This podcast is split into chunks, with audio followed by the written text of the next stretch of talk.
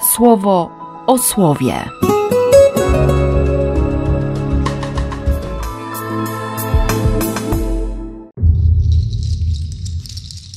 Drugi czerwca, czwartek.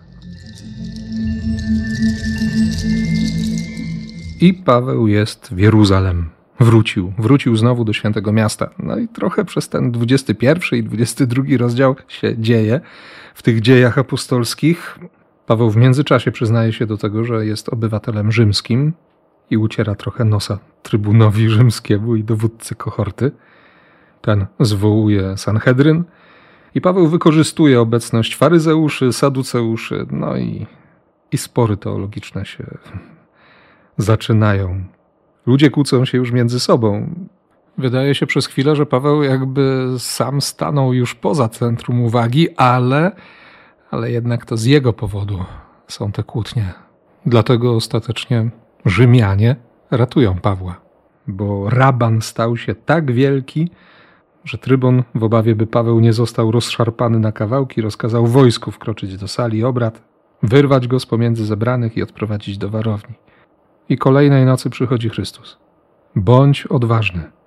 Jak świadczyłeś o mnie w Jeruzalem, tak trzeba, żebyś w Rzymie zrobił to samo. To jest droga Pawła. Konkretne świadectwo o Chrystusie. To bycie rozpalonym łaską i mocą słowa. I tak się zacząłem zastanawiać, jak ma wyglądać moja droga, jak ma wyglądać Twoja droga. W czym nas Pan upewnia? Co pokazuje? Do czego zachęca? Co proponuje? Na czym mu tak bardzo mocno zależy? Oczywiście te pytania prowokują do tego, żeby, żeby dzisiaj, w pierwszy czwartek miesiąca, zatrzymać się również w Eucharystii, zapytać, poprosić, usłyszeć, przekonać się jeszcze raz, że, że On nas nie zgubił, nie odwrócił się, nie zrezygnował, nie machnął ręką, ani nie postawił krzyżyka. To znaczy, no, stawia ciągle swój krzyż, żeby przypomnieć o miłości, żeby zaprosić do kochania, nie?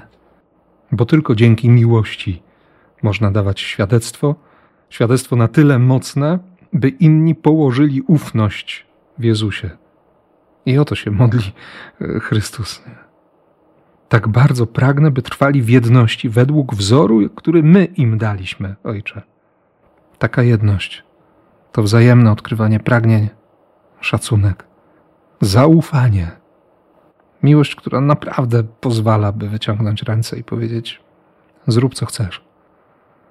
I jeszcze do tego naprawdę przejmujące, bardzo mnie osobiście chwytające za serce. To, to wezwanie, to pragnienie, Ojcze, z serca tego pragnę, by oni ze mną znaleźli się tam, gdzie ja będę. Niech poznają Twą odwieczną ojcowską miłość, którą mnie otaczasz. Ukazałem im Twoją sprawiedliwość, dalej będę im Ciebie objawiał aby ofiarna miłość, którą Ty mnie umiłowałeś, razem ze mną zakorzeniła się w nich na wieki. To jest ostatnie słowo wypowiedziane podczas tej wieczerzy. Jan właśnie tak to zapamiętał, że Bogu zależy ciągle, zawsze. Tego właśnie chce się trzymać. I tego również Tobie życzę. W imię Ojca i Syna i Ducha Świętego. Amen. Słowo o słowie.